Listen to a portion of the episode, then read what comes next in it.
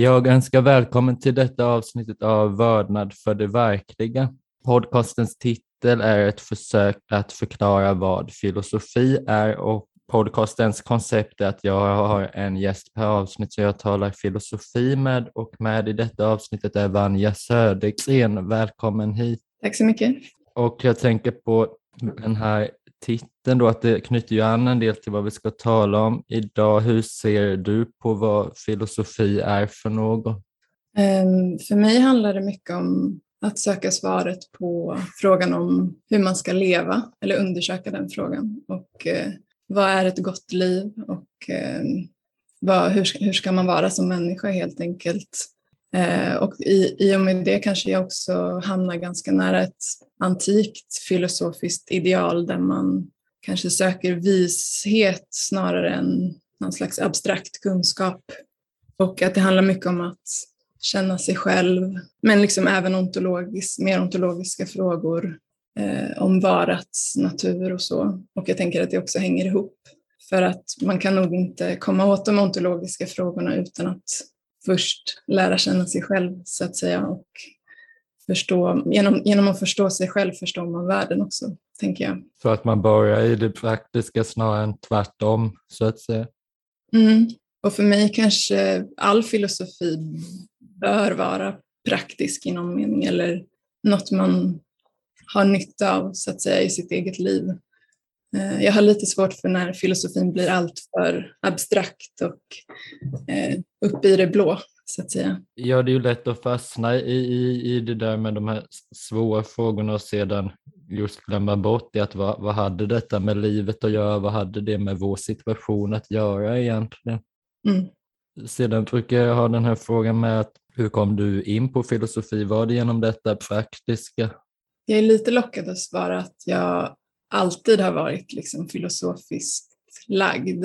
Eh, redan som barn tror jag att jag funderade över tillvaron. Men sen mer konkret hur jag kom in på liksom de filosofiska klassikerna och så, så var det nog när jag var runt ja, ungefär 20 år. Eh, och i, alltså i tonåren så, handlade, eller så orienterade jag mycket av mitt tänkande kring politik.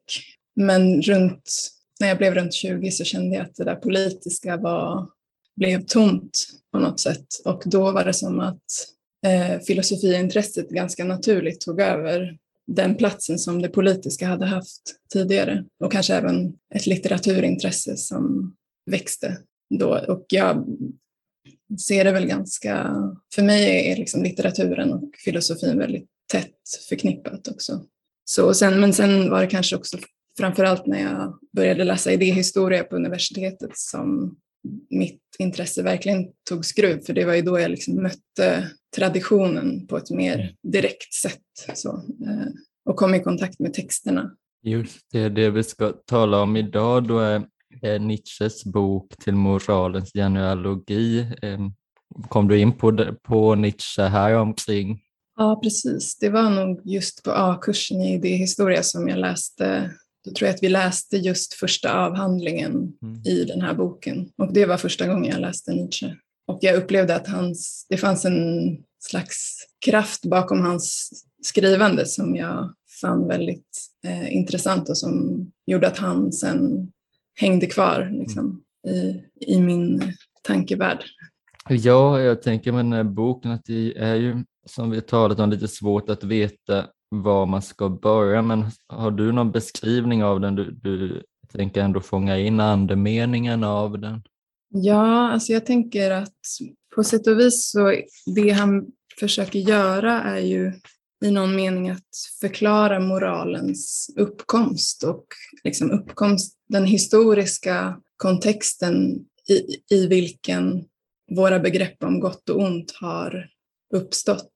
Och eh, han försöker ju på ett sätt historisera moralen och kanske psykologisera den också. Och, och på så vis relativiserar han ju den också. Så um, ungefär så kanske man kan sammanfatta det.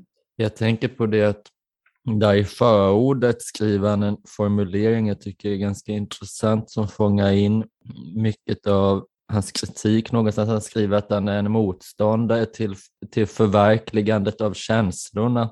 som han menar pågår i, i det moderna samhället och detta är på ett sätt någon mystisk formulering som kan låta ganska hård, men jag uppfattar det som att han med detta vill säga att vi har några känslor eller vissa beskaffenheter i oss själva och de är någonstans konstanta, att det är nästan som ett nollsummespel han beskriver exempelvis när han talar om makt och, och liknande, att de här känslorna är vad vi har, vi kan egentligen inte skapa någon egen verklighet av det som exempelvis konsekvensetiker vill genom att få bort lidande och öka, öka lycka eller öka njutning. Mm. Även om, om det är väldigt flytande många begrepp så, så finns det ändå och vissa konstanta aspekter man kan se i och som också återkommer senare i avhandlingen då när han talar om ett asketiskt liv, att asketerna har också alla de här maktaspekterna i sig men jag riktar dem inåt istället så att säga. Mm.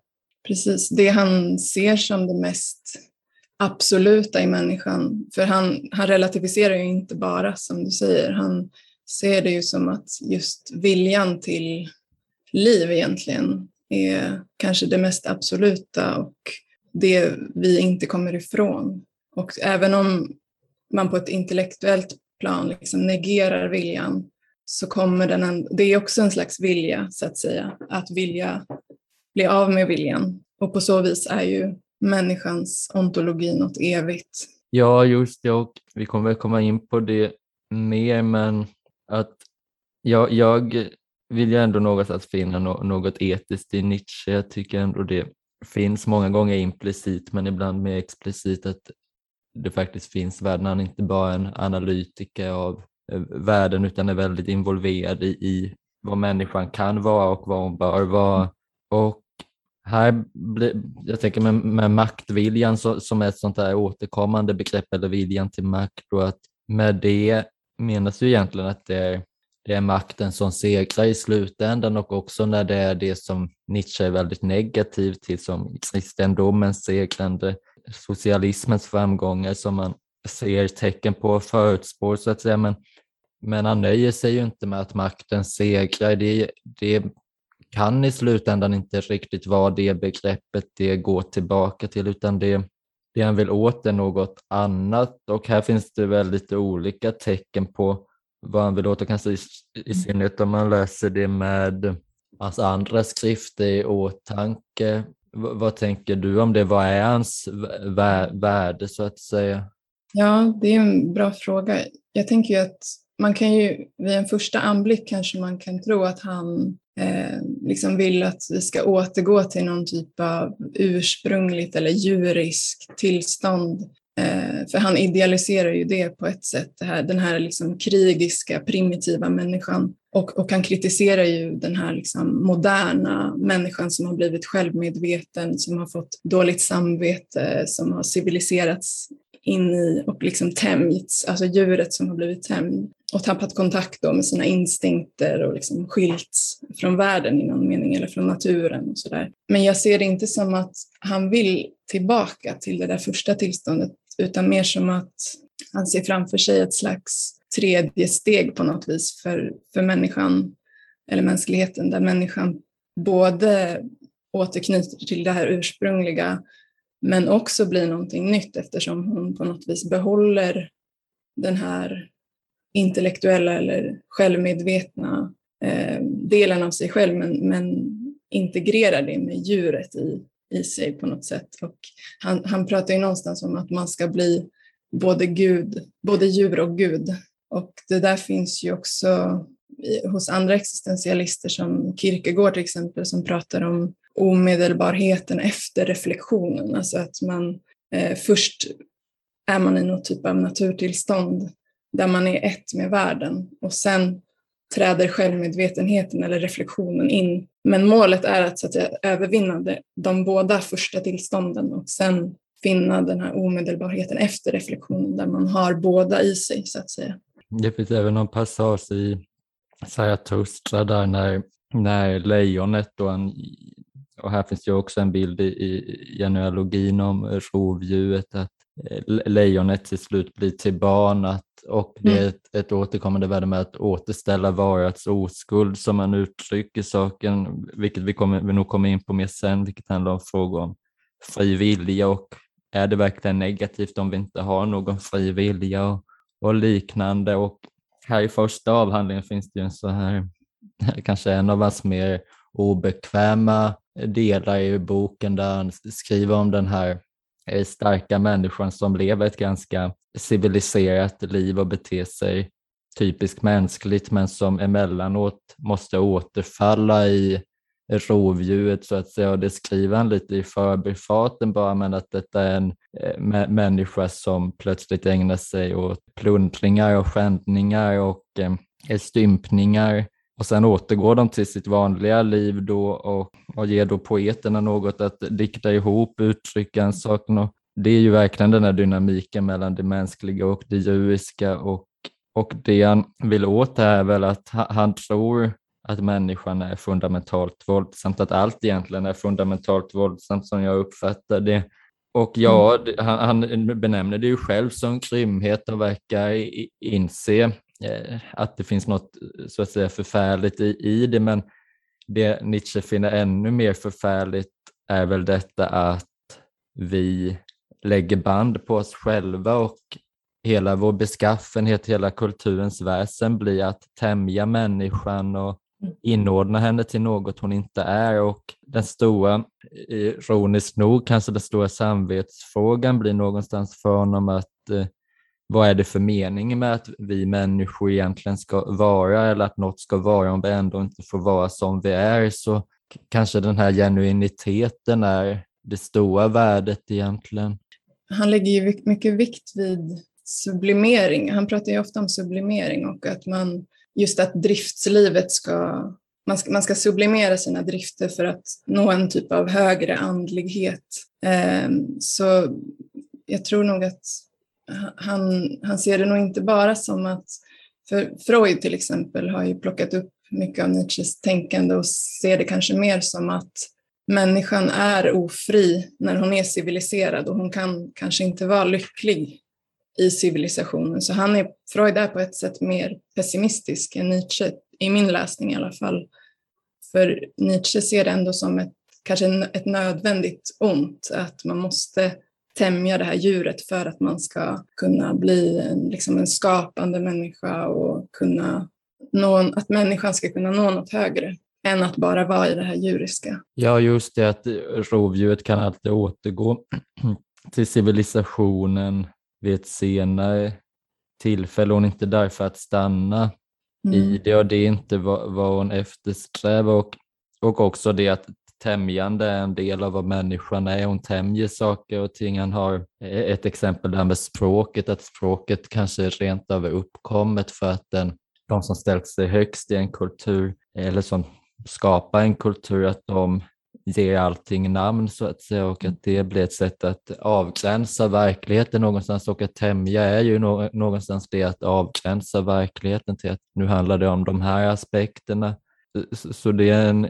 intressant dynamik där som kanske alltid finns där, där det egentligen inte finns, som du är inne på, att han tar ställning för det ena eller det andra, men det är väl när civilisationens eller kulturens hela väsen blir just detta att förneka vad vi är för något, att eh, man är ju mm. krigsromantisk, att om, om vi mm. inte krigar, om vi om vi bara blir bättre hela tiden som man använder för att beskriva att vi, vi vill förbättra oss hela tiden och vi blir mildare. Men, och detta har sina fördelar men, men samtidigt uppkommer det den här kusliga aspekten då att vi tycks tröttna på människan mer och mer medan det, detta kommer att ja, hon blir ofarlig, men om människan är ofarlig, vad är det vi tycker om med henne? Att det blir så mycket som försvinner när man så att säga reducera bort de här obekväma aspekterna av mänsklighet. Och sen tänker jag på, på detta, vi, vi kan ju näm nämna det med, med, med just detta klassperspektiv. Hur skulle du beskriva det? Det är ju en komplicerad fråga tycker jag för att på ett plan så pratar han ju om liksom samhällets aristokrater, det är, det är de mäktiga herrarna som man kallar dem, eller de blonda bästarna. Eh, det är de som är samhällets elit och på något vis rättmätigt också. Och sen är, är det, motsatsen är då jorden, alltså med HJ, liksom pöben, den stora massan som han inte har så mycket till övers för. Så han är ju på många sätt en ganska obotlig elitist. Liksom. Men, men, men samtidigt så tror jag att de här, när han ställer upp de här två moralerna mot varandra, herremoralen och slavmoralen, så ser jag nog inte det nödvändigtvis som knutet till en viss specifik socialklass utan kanske mer som ett slags idéer eller en idealtyper eller någon slags mentalitet snarare än någonting som nödvändigtvis har en materiell manifestation liksom i en specifik klass. Men det går ju inte att, att ducka för att han, han är ju inte på den stora massans sida riktigt. Det kan man väl inte säga. Vad tänker du om det? Jag tror att ursprungligen fanns det en större enkelhet i att de som hade de här mentaliteterna som just är ja-sägande är ju, är ju ett återkommande begrepp att, att vissa säger så att säga ja till livet och får sitt värde genom att säga ja till saker de tycker om sig själva och därigenom tycker de om världen, att, men de har hela tiden ett begrepp som är kopplade till sig själva, att ursprungligen han har ju näst, det är ju lite som naturfilosoferna här egentligen, att han har något, något begrepp om ett, eh, for, ett forna som var enklare än det tillståndet vi har nu, där var människan i, sin, i sitt fundament där enklare kunde komma till uttryck. Att där tolkar jag det nog som att där är det de med de här mentaliteterna som också lyckas manifestera det materiellt som blir en adelsklass så att säga, vilket kanske är tydligare i Antikrist där han är väldigt tydlig med vilka kulturer han uppskattar. Han uppskattar det, den antika kulturen, han uppskattar eh, Manus lagbok i Indien och renässansen också. Ja, han ger ju vissa historiska exempel på herremoralen. Liksom. Han, jag tror jag nämner vikingarna också någon gång. Just det. Så visst, det finns ju en koppling till, något verk, till verkliga historiska folk.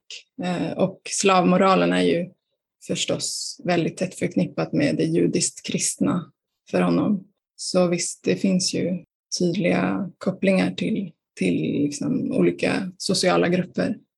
Men i vår, vår tid är han ju så missnöjd med allt att här finns inte riktigt de här grupperingarna så där blir det nog mer så att här är det just en mentalitet och den här mentaliteten trycks ju ner hela tiden och är antikristen närmast förtvivlad över detta att i antiken då att kristendomen segrade och sedan fanns det potential till att antiken skulle komma tillbaka med renässansen men då kommer Luther då och fördärvar det hela så att säga. Så efter protestantismen tycks det vara som så att här är det mer, mer konstnärer och så som blir idealet och mm. ja, människor som påminner mycket om Nietzsche själv egentligen, att han blir sitt eget ideal så att säga.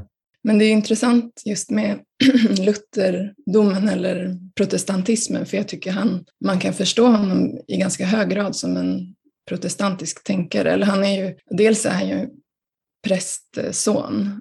Men eh, sen gör han ju liksom mycket motstånd mot kristendomen i sitt tänkande, men han återkommer hela tiden till individen och liksom att det är individen som ska upprätta ett, en unik relation till, till liksom universum eller till något högre. Och han, den, den typen av kristendom han har svårast för tycker jag verkar som kanske katolicismen eller liksom där, där det är mer det att Gud ska förmedlas via prästerskapet till massan så att säga. Han vill ju att vi alla ska bli avgjorda individualiteter på något sätt som själva upprättar våra egna värden och vår egen relation till det högre, något högre. Så. Ja, det är sant. Det är lite lustigt det här med katolicismen för de lyckades ju skapa en väldigt god elit sett till Nietzsches begrepp egentligen bättre än vad Luther gjorde. Och där, där, kan jag nästan ibland tänka att Nietzsche missuppfattar sig själv. Att jag, jag, ser inte detta hur det går att grunda något egentligt på maktviljan eftersom makten mest blir ett svar på vilka hade mest makt. Här i efterhand ser vi vilka det var, att de kristna var uppenbarligen mäktigare än antiken och de var även mäktigare än vikingarna när Sverige kristnade och så, så vidare. Mm. Men då är det så att katolikerna säger inte ja till livet. De får sitt värde genom att säga nej till något som synden, exempelvis som man tar som exempel att eh, här får, jag är god därför att jag inte är som den här personen och så får man hela sitt värde genom det istället för att faktiskt i sig själv kunna etablera värdena. Man kan ju se det som att herrmoralen är liksom en positiv moral medan slavmoralen är negativ på så vis att den är en reaktion eh, mot herremoralen. Den uppstår inte i och för sig själv utan det är liksom just en invertering av herremoralens värden där eh, liksom man gör, slavmoralen gör just motsatsen till herremoralen och säger att det som ni tycker är gott, nämligen kanske makt eller eh, styrka och kraft och hälsa och ja, sådana liksom själv eh, ja vad ska man säga, värden som stärker sig själva så att säga. Och då säger slavmoralen tvärtom att det är ont och motsatsen är gott, nämligen det som vi är, alltså ödmjuk, ödmjuka eller medlidande eller självuppoffrande och sådär. Eh, så den slavmoralen är ju på ett sätt parasitär för att den är beroende av någonting att ta spjärn mot. Men herremoralen är inte så intresserad av något annat än sig själv på något vis. Just det, och här det återkommer nog i en av, det är ju tre avhandlingar då, det återkommer nog i en av dem senare, men jag tänker på det mycket när jag läser honom, kanske i synnerhet i den här boken, att det hela tiden finns ett väldigt ontologiskt eller nästan metafysiskt system bakom det han säger som uttalas ibland med väldig kraft men ofta är lite i bakgrunden så där jag tänker på här i första avhandlingen att han skriver om detta som man nästan ser som roten till det här, den här judisk-kristna omvärderingen av alla värden, att man menar att det finns ett subjekt eller ett substrat bakom allting och att detta blir då en stor invändning mot den som är stark, eh, att den behöver inte vara beskaffad så som den är. Den kan lägga band på sig själv och bli något helt annat och att vi här lurar oss själva genom kategorier vi har i det vi kallar för vårt förnuft och genom språket då att eh, egentligen finns det inget bakom vår handling eller vårt blivande, att allt är egentligen bara den här verkan och vi föreställer oss att det finns en orsak men egentligen är vi bara det vi är när vi uttrycker oss. Det, det finns inget bakom det så att säga. Och mm. Hela den omvärderingen fattar jag som, som ett fundament till att det kunnat bli så som det har blivit. Att människan just har blivit så mänsklig och skiljer sig så starkt från de andra eh, djurarterna. Jag tycker det är intressant att se att Nietzsche liksom på ett plan är han väldigt kritisk mot detta att lägga band på sig och att vara asketisk. Eh, men samtidigt så håller han liksom, han har olika standard för den vanliga människan och för filosofen. Och han liksom menar ju att ja, men för, för en filosof eller för en skapande människa så är asketism något liksom rättfärdigat och eh, ofta fruktsamt. Liksom. Men, men, men liksom inte, inte för den vanliga människan. Så det är på något sätt för de utvalda så, så är det här något som, är, som kan vara just fruktsamt.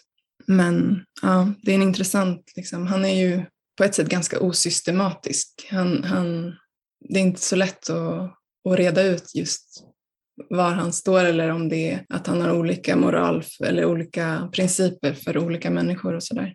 Nej, när han skriver om asketism ehm, så har han räknat upp allt det han är kritisk till med det, men så skriver han plötsligt på något ställe att jo, men så länge asketism är äkta ungefär, då är det berättigat. att det, det är egentligen inga problem. Och det knyter kanske han också till hans inställning till kristendomen och han skriver även om, om lammet här i första avhandlingen, vilket eh, ju känns som en parallell till kristendomen då, att i fallet lamm eh, säga att den hatar eh, rovfågeln och eh, ja, baserar sin etik på att vara så långt bortanför rovfågeln som möjligt, då är det inga konstigheter att, att det är fallet. Och i Antikrist också det ganska berömda citatet att det finns bara en enda kristen och han dog på korset, att mm. det är naturligt att de som blir nedtrampade i en kultur vill resa sig emot detta och det finns en, en viss beundran av det upplever jag också, även om den inte nämns så många gånger. Men problemet är väl att man kan inte skapa en etik som helt baseras på att man är undertryckt och att det också är en väldigt tragisk aspekt i allt förtryck, att den som har utsatts för förtrycket under en längre tid vet inte vad den är om detta inte gäller. Den vet inte vad den är utan sitt hat för sakernas tillstånd så att säga. Så någonstans att anden nästan blir förstörd av, av att vara missnöjd med världens beskaffenhet.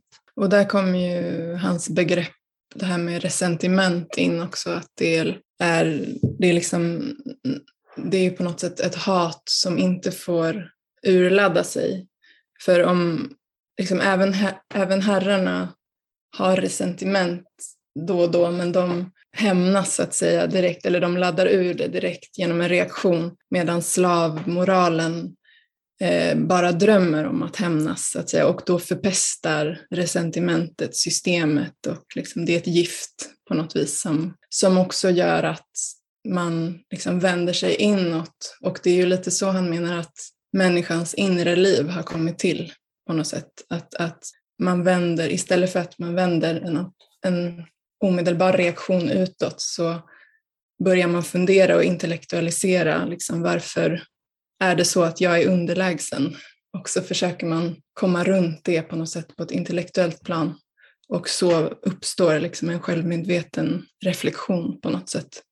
Där, där i andra avhandlingen skriver han om minnet just att det, det, är det som gör ont, som, som har smärtat oss, som stannar kvar i oss. Ehm, och det, det är väl här allt detta med substratet och det växer fram att om varat i världen är allt som finns och det här varat i världen är outhärdligt så är det ju naturligt att människor vill skapa något annat och då skapar hon något inne i sig själv så att säga. Och, eh, här blir det ju en svår roll för filosofin med, tänker jag, och det blir en omvärdering av filosofin att eh, om inte den här platsen finns, eh, vårt inre tillstånd, var någonstans är det då vi filosoferar egentligen? Hur, hur tänker du kring det? Är, vad är Nietzsches syn på filosofin egentligen?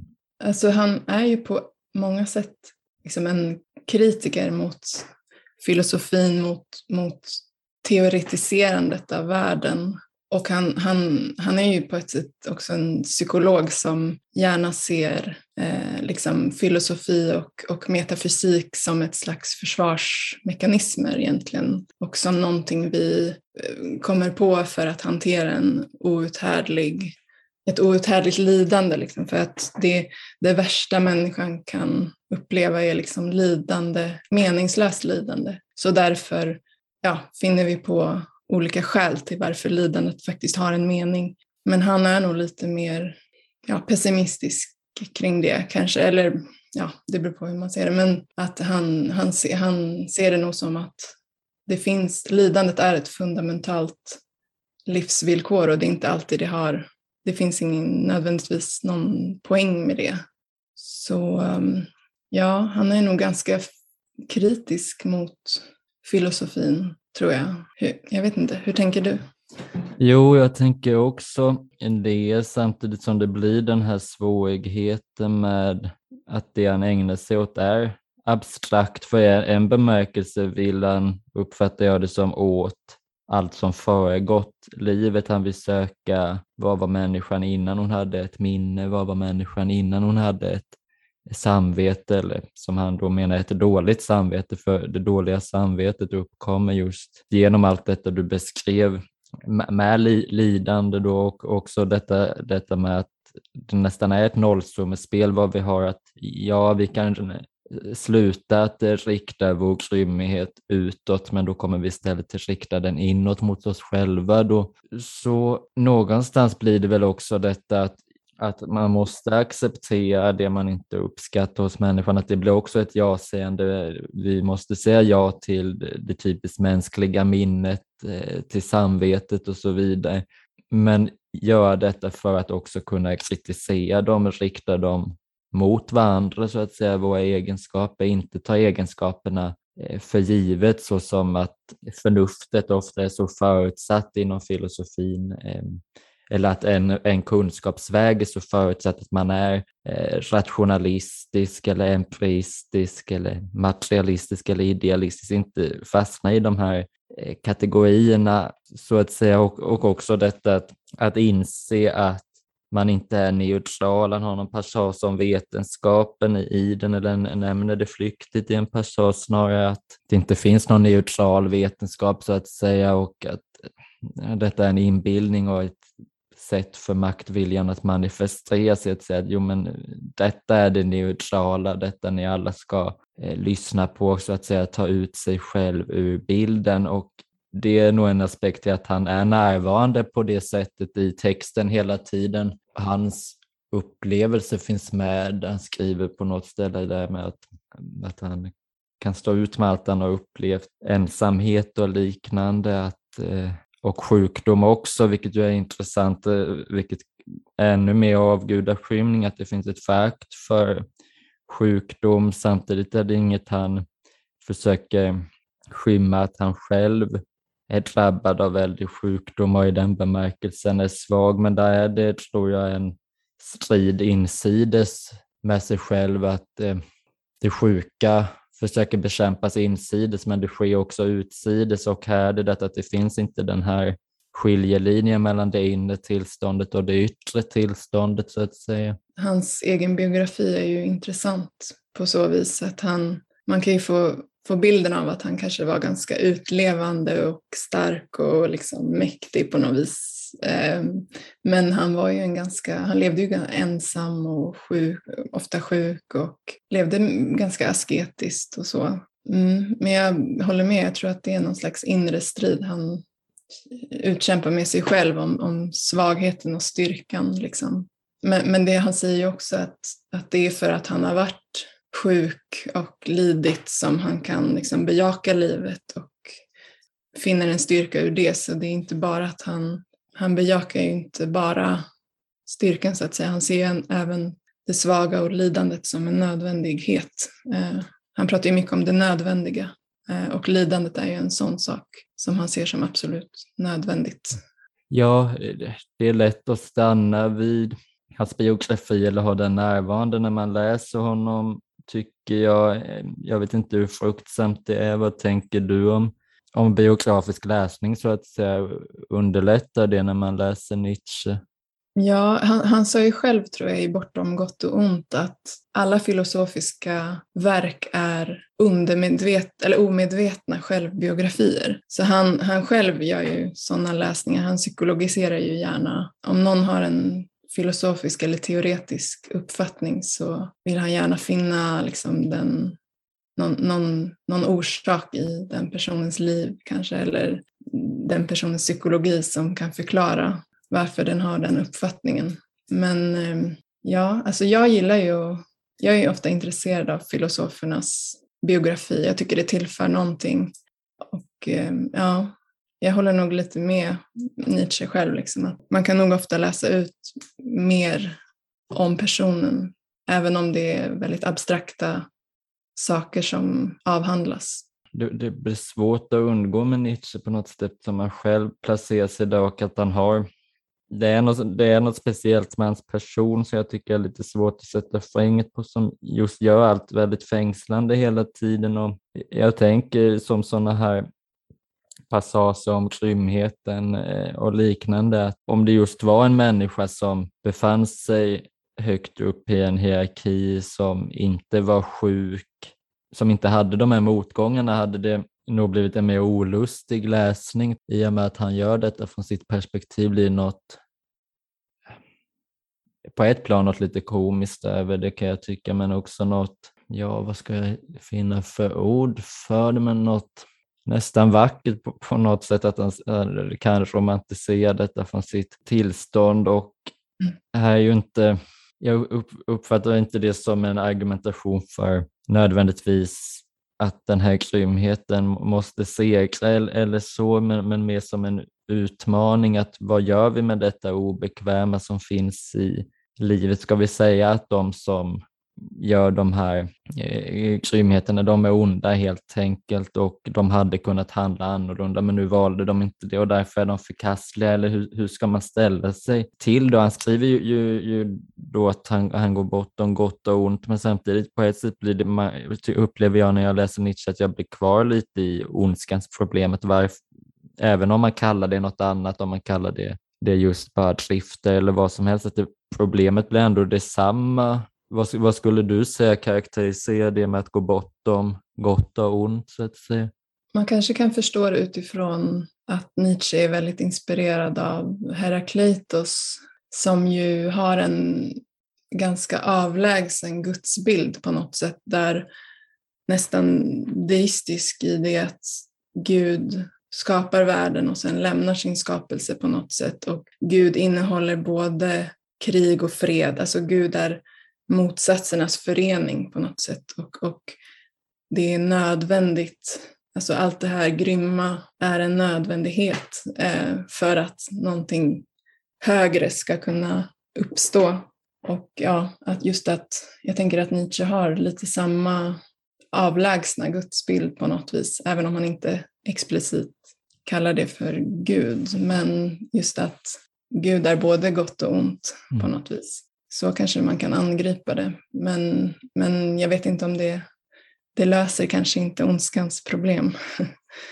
En sån aspekt där är att han, jag tänker på att han skriver att det här resentimentskilda då det längtar efter livets motsats, exempelvis om man uppställer ett ideal om ett himmelrike, då är det allt vi inte var på jorden egentligen. Och eh, samma med ideologi, att socialismen då söker motsatsen till allt vad tidigare historiska skeenden har varit, i alla fall inom civilisationen, något som är motsats till feodalism eller kapitalism. Ehm, och så sätt kan, kanske i den motsatsen du beskriver går det kanske faktiskt att närma sig det på ett radikalt annorlunda sätt i att på så sätt att att livet finns till på grund av allt det hemska.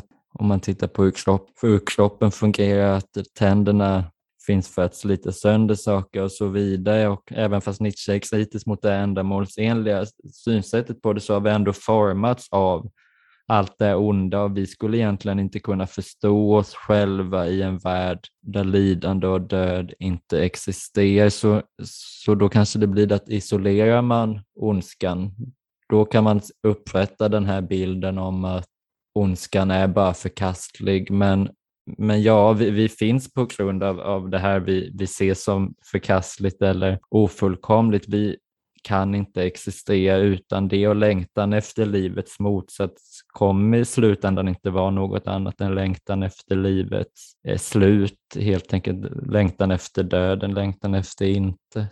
Mm, precis, och han pratar ju också om att den högsta, de högsta naturerna eller de mest andliga naturerna är de som kan vara slagfält för motsatser, tror jag han säger. Alltså de som kan integrera liksom både i det ljus, ljuset och skuggan, för att använda jungianska begrepp. Liksom så här, den som kan tillåta sig att vara både eh, det ena och dess motsats, så att säga, eh, är den största människan på något sätt. Och det kan man ju göra en politisk tolkning av också, att den är störst som inte väljer ett spår utan som kan se, eh, förena liksom alla ideologier mm. eller inte vara ideologiska överhuvudtaget. För att ideologierna är på något vis att splittra världen i en dikotomisk förenkling på mm. något sätt. Jag, jag tänker med Jung där att han läste ju Nietzsche ganska mm självbiografisk och beskriver viljan till makt just som en skuggsida, en skuggsida till kärleken vill jag minnas att han uttrycker. Saken har det, det är ju en ganska dyster bild av Nietzsche, att han bara blir en skuggsida. Vad tänker du om det?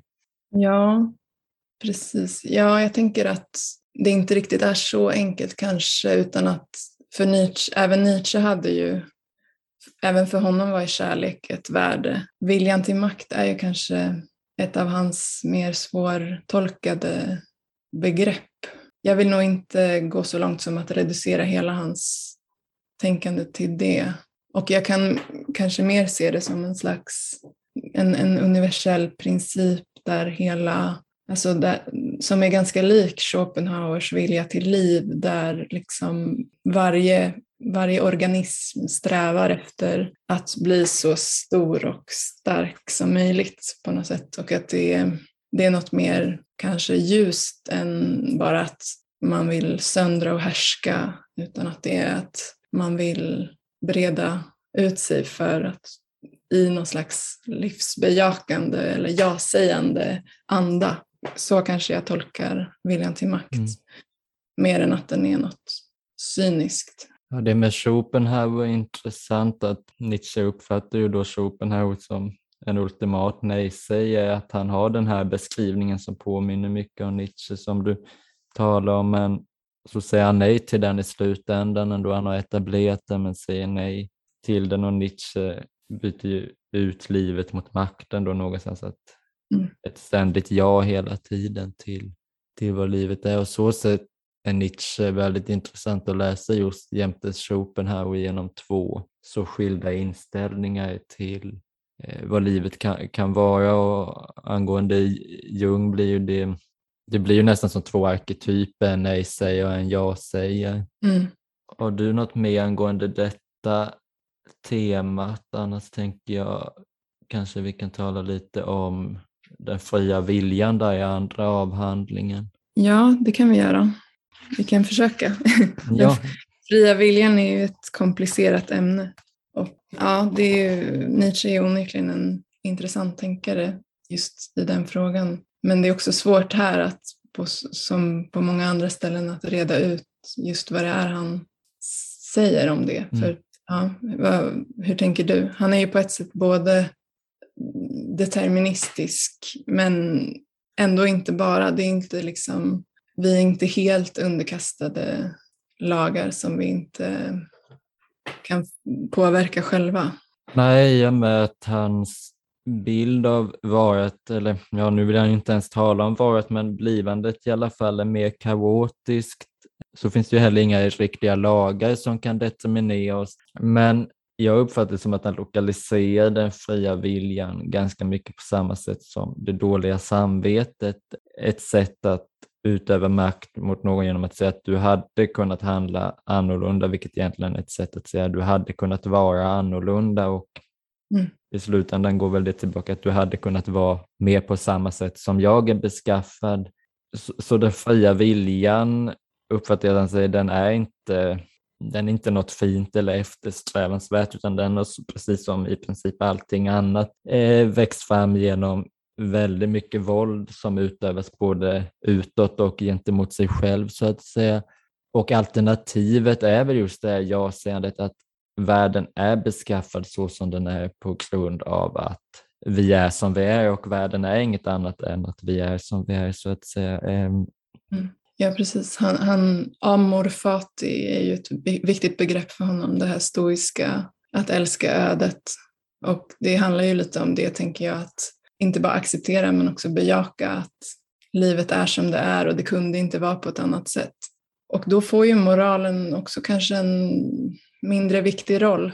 För då betyder det att vi kanske inte är, vi kanske inte kan förbättra oss eh, så som vi tror att vi kan ofta. Men jag vill inte heller säga att Nietzsche helt avfärdar moralen, för jag ser det nog som att han också är en, i mångt och mycket en dygdetiker liksom, som sätter karaktären, den, formandet av en god karaktär som väldigt högt och han är ju upptagen vid världen och han vill formulera ett sätt för oss att bli bättre. Han, och där kommer ju också hans övermänniska in, där han på något sätt ändå ser möjligheten för människan att ta språnget till ett en, något ännu bättre. Alltså människan för honom är något som ska överkommas, eh, som ska bli, bli en bro till övermänniskan då. Men vad, vi, vad den fria viljan har för roll i det är ju lite svårt att säga. Det är också, ödet är ju väldigt viktigt som,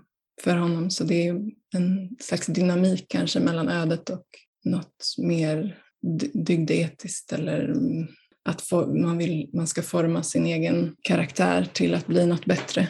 Ja, ja det med övermänniska är intressant att det är ju från Zarathustra då och här. Jag uppfattar till moralens genealogi att det inte riktigt är samma fokus på den här övervinningen av människan, även om man talar om undantagsmänniskan, men att undantagsmänniskan är något som ständigt kommer ibland, att undantaget är eh, förändringens förutsättning någonstans. Att det som gör sig till undantag är egentligen det som förverkligas någonstans, att världen är nästan ett resultat av undantag snarare än regel, vilket kanske går tillbaka till den här skepticismen mot, eh, mot lagar, då, att det skulle vara naturlagar som dikterar eh, världens tillstånd så att säga. Eh, men jag tänker det du, du talar om med att han vill att vi ska bli bättre, eh, det är ju en läsning av honom i bland att han är nästan som en självhjälpare. Hur ser mm. du på en sån bild?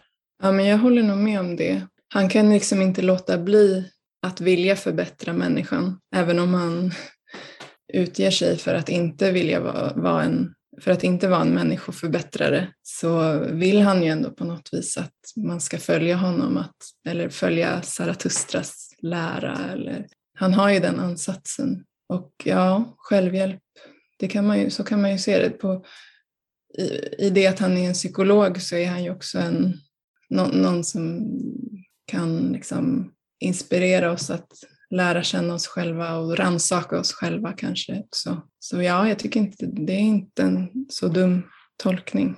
Nej, ja, det finns den här också här någon dynamik just med det att han, han är ju så kritisk i modernismen till, till att vilja förändra människan men hans förändring som han talar om är ju större än någon förändring som egentligen har genomdrivits om man tänker den här skepticismen mot det dåliga samvetet och kritiken mot medlidande, att det uppfattar jag, jag i alla fall som en djup del i att vara människa, just att kunna relatera till den andra på ett sådant omedelbart sätt som ändå medlidande eller empati innebär, även fast jag kan se det födande i medlidande, att att i och med att lidandet är en sån grundläggande aspekt av, av världen, om det hela tiden ska smitta av sig, det kommer vara utan slut verkligen. Och ja, kristendomen blir ett tydligt exempel på det, att Jesus lidande på korset blir nästan kulminationen av allt vad liv överhuvudtaget innebär. Att vi kan,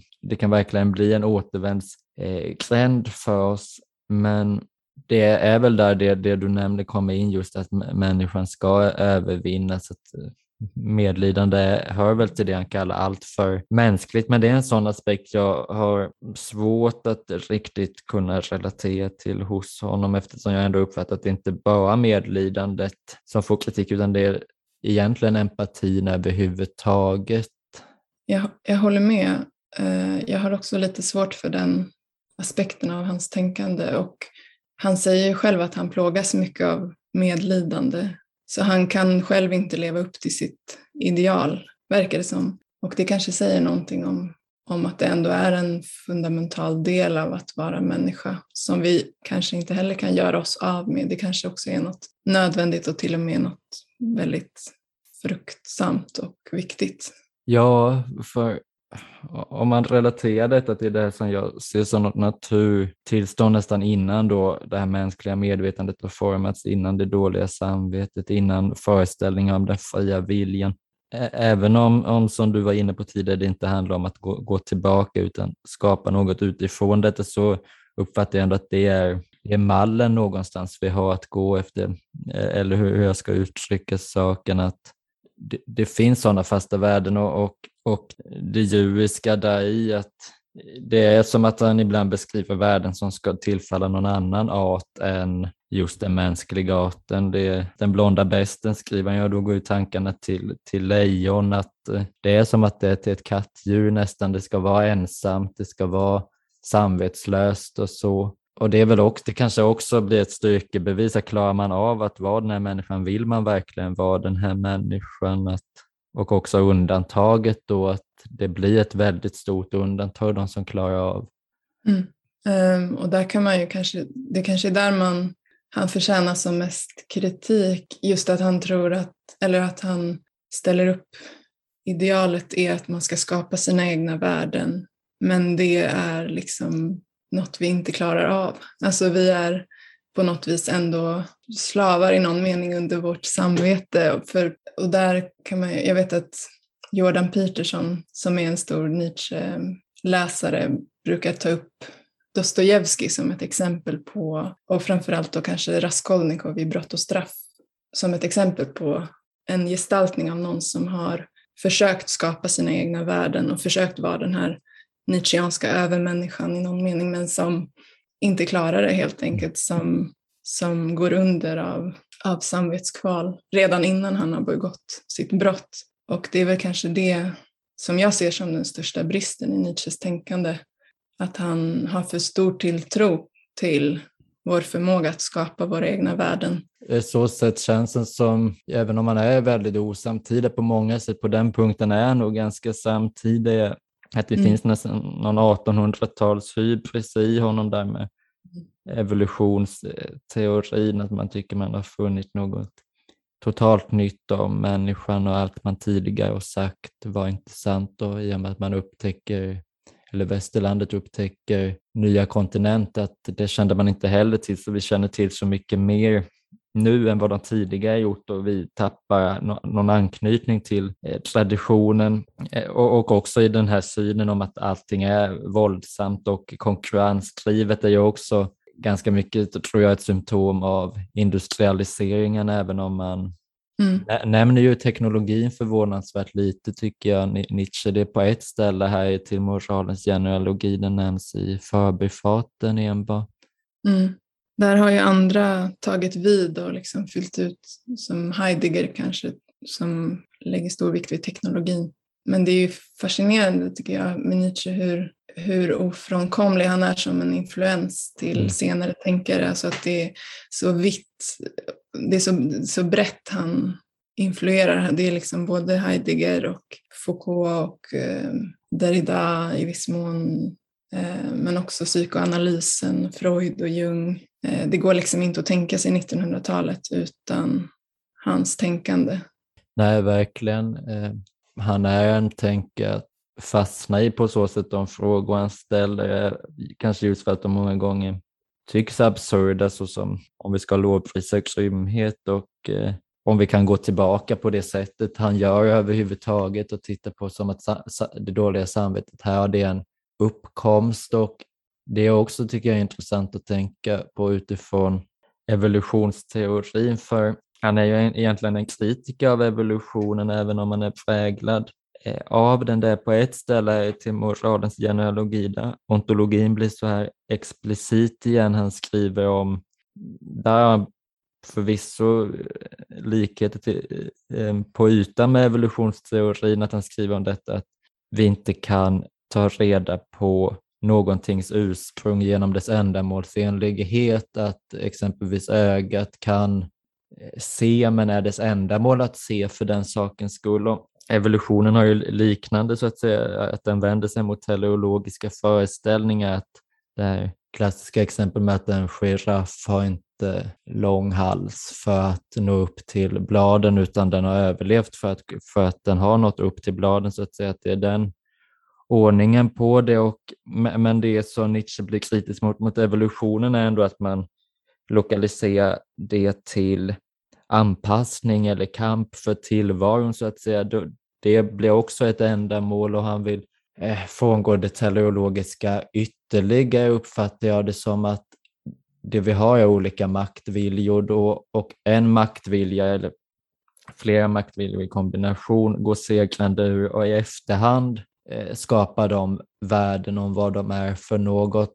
Eh, om man tänker då ett öga, att det säger i efterhand, jo, jo men mitt väsen är att se och eh, också samhälleligt att eh, om man tänker sig som en bördel som man har som exempel, att den säger efterhand att mitt, min funktion då, eller mitt ändamål är att avskräcka eller avskräcka från brott genom straff och eh, eller att eh, det handlar om att eh, brottslingen ska betala tillbaka, att detta är efterhandskonstruktioner, mer att det enda vi har är de här enskilda maktviljorna som legitimerar sig själva på olika sätt, men det är egentligen inte utifrån något yttre ändamål. Och så sätt tolkar jag det som att Nietzsche ändå blir kvar i teleologin, att det finns faktiskt ändamål att få igenom maktviljan, mm. men ändamålet är relaterat till sig själv, det är inte relaterat till något externt så att säga. Man kan ju också kanske förstå just övermänniskan som ett slags telos ändå, eh, dit människan sik siktar. Eller dit, det, det är det som rättfärdigar människan också. Det hon är bestämd att bli på något sätt. Så jag håller med, han är kvar i det teleologiska på många sätt. Men han ser ju också det lite, apropå det evolutionära perspektivet, så tycker jag att han, han i förhållande till vetenskap så ser han det ju lite som att eh, det har skett en slags evolutionär utveckling mot vetenskapen i och med att kristendomen har brett ut sig så mycket i västerlandet och därmed också har på något vis eh, format det europeiska sinnelaget att söka sanningen, till, för att söka sanningen och på så vis har man då möjliggjort den vetenskapliga revolutionen för där lämnar man på något vis den metafysiska sanningen och så söker man den istället i det materiella, i, i detaljerna i världen. Mm. Och att man inte kan tänka vetenskapen utan det kristna sanningssökandet. Och det är en slags evolutionär tanke att människans sinnelag har under flera hundra år liksom närmat sig eller disciplinerats i någon mening för att sen kunna ta steget vidare till vetenskap, den vetenskapliga världsbilden. Ja, det är en väldigt intressant aspekt med att han lyckas lokalisera så mycket till judendomen och kristendomen också med ideologin. Att, han gör egentligen ingen distinktion mellan eh, om socialisten söker det socialistiska samhället eller om det kristna söker himmelriket, att det är samma mekanism egentligen och samma självförbättrande och samma syn också på den fria viljan då att vi kan vara annorlunda och att eh, det på så sätt är så kvar i det här nej-sägandet. För det är ju en intressant aspekt att han ser kristendomen som en sort, ett sådant hot samtidigt som man förklarar den som döende. Eh, men det mm. uppfattar jag just är att den har ynglat av sig då till vetenskapen och till ideologierna. Precis, han ser det ju som att slavmoralen kan ju mutera på ett sätt och även om man har lämnat Gud därhän så att säga så har, eh, fungerar den på samma sätt. Det är liksom en psykologisk typ kanske. Eller en, och han ser en annan typ av asketism just i, eller samma typ av asketism fast i formen av just den, den moderna vetenskapliga teoretiska människan som eh, på något vis skärmar av sig från världen i sitt arbetsrum och går upp i teoretiska abstraktioner och inte har någon kontakt med sina instinkter eller med livet självt på något sätt. Han, han gör ju livet till en liksom kategori på ett sätt som ingen annan kanske har gjort, där, där livet självt ska, är en kategori som ska gynnas. Mm. Han är ju så, så väldigt eh, icke-akademisk tänker verkligen att eh, han är misstänksam mot detta. Man ska vara, ja, som du beskriver, man ska vara särskilda på det sättet och därifrån filosofera att det är mer genom att vara ute i världen, genom att eh, vandra i världen vi får tankar om den och att det är, tankarna är mer som ingivelse. Vi kan systematisera det i efterhand men vi ska inte heller överskatta den aspekten att vi har skapat det här systemet från ingenstans utan det har kommit till oss på något sätt. Exakt hur är ju svårt att säga men det, det bästa sättet att beskriva det på är kanske som en ingivelse. Mm. Jag tänker även på detta med medvetandets roll, att han skriver att medvetandet är den mest torftiga delen av människan, det som har tillkommit senast i processen av, av mänsklighet, vilket ju också är en, är en väldigt intressant aspekt för en filosof mm. att ha den misstron till medvetenheten. Precis, det är nästan en materialistisk eller in, ingång i frågan om medvetandet, att, att den har adderats, alltså att medvetandet har adderats till organismen på något sätt. Inte att den finns, det finns där från början på något sätt och ger upphov till det materiella som väl är en mer idealistisk syn på mm. medvetandet mm. kanske. Ja, det är väldigt intressant hur, hur materialistiskt det är och hur idealistiskt det är. Att det, I och med att han inte riktigt vill tänka i de aspekterna är det ju inte uttalat men alltså maktviljan kan jag på ett sätt se som idealistisk, att det är nästan som något som föregår materian eller i alla fall idealistisk i motsats till materialistisk. Men eh, för också sett till, till evolutionen då att eh, det är som att han inte tycker att evolutionen har, har gått tillräckligt djupt med vad den eftersträvar någonstans. Att på något sätt gå ännu djupare och där finner han den här maktviljan och det, och det är ju ett intressant begrepp för honom men också på något sätt kan jag uppfatta det som lite hämmande för att det här genealogiska, alltså, han uttrycker det ju vad är värdenas värde, vad, så att säga, var, var kommer värdena ifrån? Att den processen genomgår aldrig makten utan den är som ett slut hela tiden upplever jag det. Vad tänker du, du om det? Är, finns det något bakom makten så att säga? Kan man göra genealogi på makten? Nej, alltså jag tror inte man kommer så mycket längre än så i hans tänkande att det är nog ändå makten som, som det kokar ner till. Eller jag ser ingen annan föregående princip i hans tänkande. Men, men precis, det är nästan som att det är viljan till makt eh, som föregår materien. Som, det är på något vis hans gud i någon mening, att det är den kraft som en, nästan en slags panteism, att det är den som ligger under alla former, alla naturen och alla organismer och som ger det liv så att säga och driver fram materien. Vi har ju mest rört oss, tror jag i alla fall, i de två första avhandlingarna här. Vad, vad tänker du om tredje avhandlingen? Hur relaterar den så att säga till, till det resterande? Ja, det är ju där han diskuterar det asketiska idealet. Och ja, vi har ju varit inne lite på det att han är ganska kritisk till det på en bred, på bred front så att säga. Men för vissa utvalda är det ändå ett, något gott. För, för filosoferna och för konstnärerna kanske, så de, de som så att säga klarar av det, de kan, där ser han liksom en fruktsam askes som också har att göra med skapandet. Att, att om man, han pratar ofta, han, han använder ofta en metafor om liksom att eh, skapandet är som ett havandeskap mm. eh, där man måste om man då är, eh, ska föda fram någonting så måste man dra sig undan världen och, och låta det liksom mogna. Det, det han säger om det är väl att de, filosoferna, de som så att säga är kapabla till det asketiska, de, de har så att säga upphöjt det idealet till allmän princip trots att det kanske inte egentligen enligt honom bör gälla för alla. Eh, så då menar han att filosoferna är lite snedvridna i sin syn på det där. Så han psykologiserar ju återigen filosofin. Och sen är det ju här, den här tanken då om att viljan är konstant, så även om man på ett intellektuellt plan negerar den så, så finns den alltjämt där. Och viljan till intet är också en vilja så att säga. Och den tar sig uttryck i det asketiska idealet.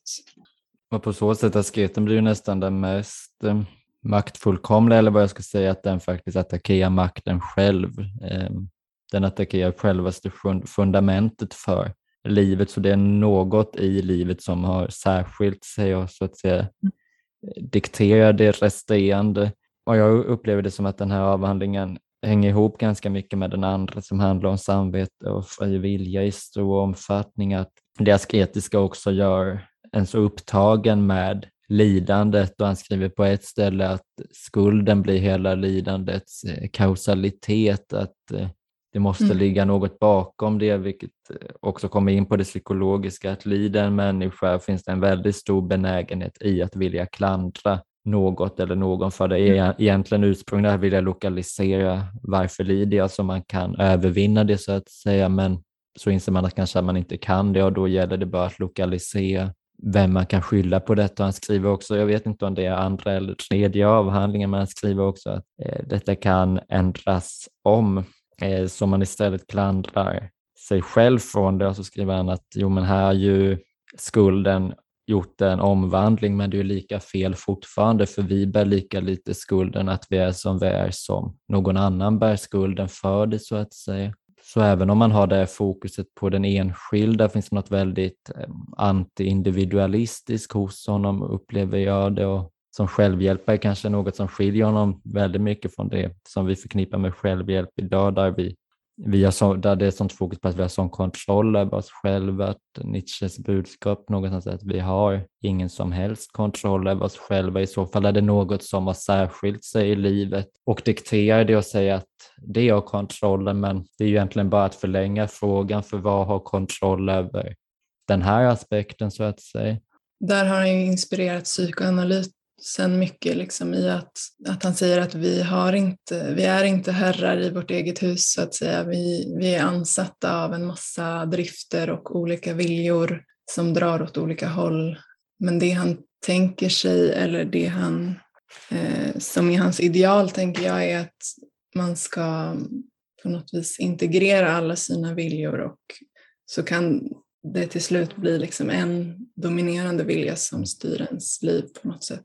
Ja, på så sätt blir det också intressant att tänka på när han är eh, upprörd över sakernas tillstånd. Att vad är, är, är det en anklagelse han gör mot sakernas tillstånd eller är det bara en, en maktvilja då som bestrider en annan maktvilja eller hur ska man beskriva det? Ja, jag vet inte. Är, men som sagt, är, han är en paradoxal tänkare som säger en sak i en, på ett ställe och en annan sak någon annanstans. Så på ett sätt ser han sakernas tillstånd som nödvändiga och ofrånkomliga men han kan ändå inte låta bli att vilja ändra på dem så att säga. Så, ja, det är svårt. Och sen tänker jag med med ja-sägandet att det är något som är möjligt från en viss punkt. Det är inget man bara kan. Man kan inte bara säga ja plötsligt utan det är en väldigt lång eh, process. Eh, och kanske också eh, isolerat till vissa ögonblick, att detta ögonblicket hade inte inträffat om det inte vore för det som har föregått detta.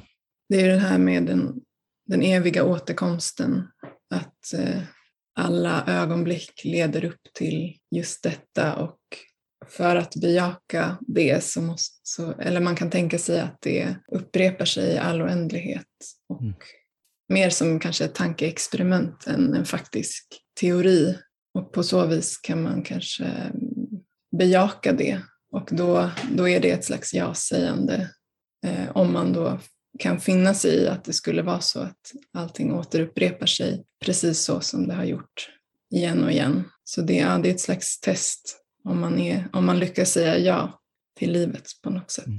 En intressant läsning av den eviga återkomsten eh, är hos David Prolin som skrivit en bok om, med, med idéhistoriskt om Nietzsche. Att, eh, han tolkar den eviga återkomsten som att den här eliten i en kultur lyckas alstra människor som är som de själva så att säga, så att det är en ständig fortsättning mm. för en viss typ av människa så att säga och att det är ett ja på det sättet och det är också en aspekt som finns hos honom, kanske inte jättemycket till moralens genealogi men den nämns eh, ett par gånger vill jag minnas att eh, avelsaspekten då att eh, det finns något konkret biologiskt i det hela att få fram en god, eller ja, jo, god människa kallar han ju den människan han menar är bra, ett, ett gott utifrån sig själv.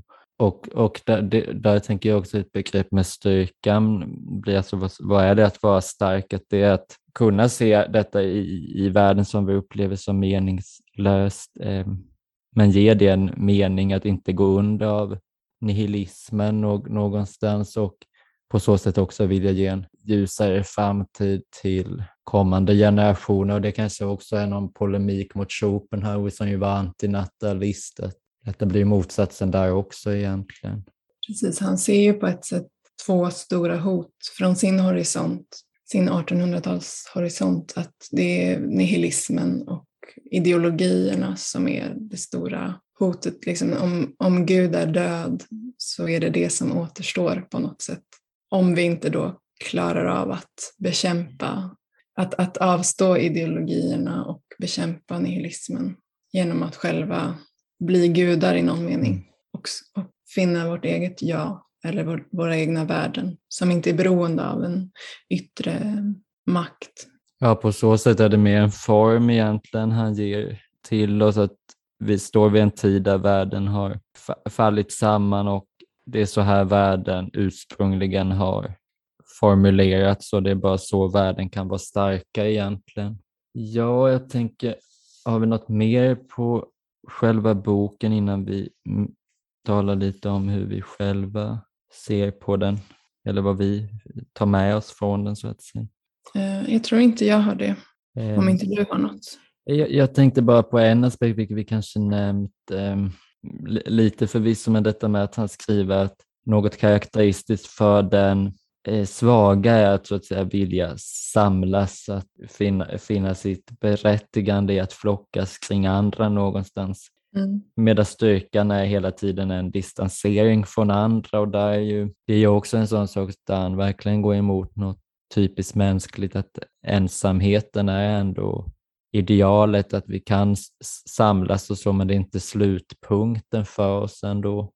Um, sen kan man också fråga sig, visst han ställer upp ensamheten som ett ideal, men det är kanske också i relation till sin samtid på så vis att han tänker sig att eftersom han ser samhället eller moderniteten som dekadent och liksom något som håller på att gå, bli liksom degenereras så att säga, så vi, tänker jag att man kan förstå den ensamheten också som en distansiering från den utvecklingen. Mm. Att, att eh, han ser det som nödvändigt att, att inte vara för involverad i samtiden. Ehm, så, men, men jag tror också att han, den här ensamhets det här ensamhetsidealet är också något som är mer beständigt. Eh, det, det är inte bara i relation till samtiden men, också, men mycket eh, så. Precis, han skriver väl någonstans att starka, men starka naturer strävar bort, bort från varandra. Där är, är väl, om man tittar biografiskt också, hans eh, liv passar ganska bra in på detta idealet så sett, med angående Jung, att han skriver att Nietzsche att detta också är en aspekt där Nietzsche faktiskt inte eh, levde som han lärde så att säga, men gemenskapen uppfattar jag ändå, den står, inte, den står aldrig så högt hos eh, Nietzsche, även om man har nästan ett kollektivt tilltal ibland vid fria andar och liknande, att det, det är i slutändan den här, det här strävandet bort just från varandra, vilket också är intressant sett till att det inte finns någon tydlig individualitet hos honom i form av substans eller substrat eller så att vi mm. Och det är väl där jag egentligen skulle önska en genealogi av makten också, att vad, vad är det som kan avgränsa makten så att den ändå är en vilja och hur mm. relaterar makten och viljan till varandra är också intressant och väldigt omdiskuterat. Hur, hur tänker du kring det? Att vi, ibland skriver maktviljan, vilket det är enklare att förstå tycker jag, men när det är viljan till makt blir det något svårare. Ja, det är en svår fråga som jag inte har tänkt på så mycket, så jag vet inte om jag har något riktigt bra svar på det. Men jag håller med om att det är ett problem någonstans i hans tänkande att det, det krävs på något vis någonting utanför makten som kan ja, avgränsa den mm. och integrera den eller jag, jag, tänker på en läsning Deleuze gjorde av Nietzsche att eh, slutdestinationen för, kan vi egentligen i slutändan se utifrån eh, det, det, mänskliga någonstans, eller det är där vi befinner oss. Vi kommer inte ifrån det och att eh, målet så sett blir att, att ha en medvetenhet som inte är tyngd av att döma, att vi kan egentligen inte ens föreställa oss hur en medvetande skulle se ut som inte inriktat på att eh, döma. Så på ett plan kan man säga att det är senare i processen, men samtidigt ser jag det som att det är ja-sägandet på något sätt är föregående viljan till makt, även om jag inte vet exakt hur det skulle gå till. Mm. Ja, jag tänker avslutningsvis då, vad skulle du säga att det är som, ja, vad är värdet med den här boken helt enkelt? Jag tycker nog att han bygger ett ganska trovärdigt case liksom, för hur, hur den moderna människan har uppstått. Och att hon på något vis är just att hon är något radikalt annorlunda än den ursprungliga människan i det att hon har blivit liksom självmedveten och tämjd i någon mening. Och, just har att den här inre världen har uppstått genom att hon har vänt sig inåt, delvis genom resentimentsprocesser då. Och därmed också blivit liksom alienerad från, från naturen eller från sitt vara, från sin instinkt och så. Så jag tycker den har ett slags värde i att den försöker ge en förklaring till hur människan, varför människan är som hon är just vid, vid denna historiska punkt. Mm. Liksom.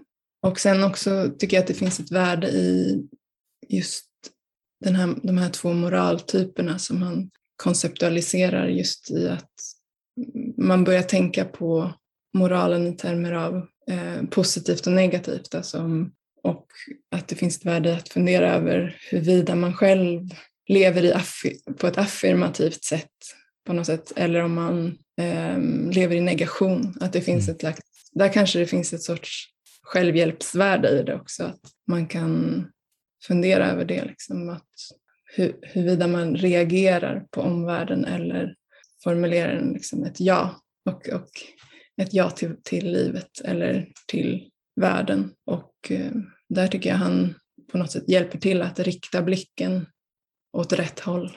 Skulle du säga att det är dåligt så att säga att ha ett nej till världen? Jag tänker Schopenhauer och hans anhängare hade ju menat att det är faktiskt något positivt att ha det, att det är slutdestinationen, att till slut kunna säga nej.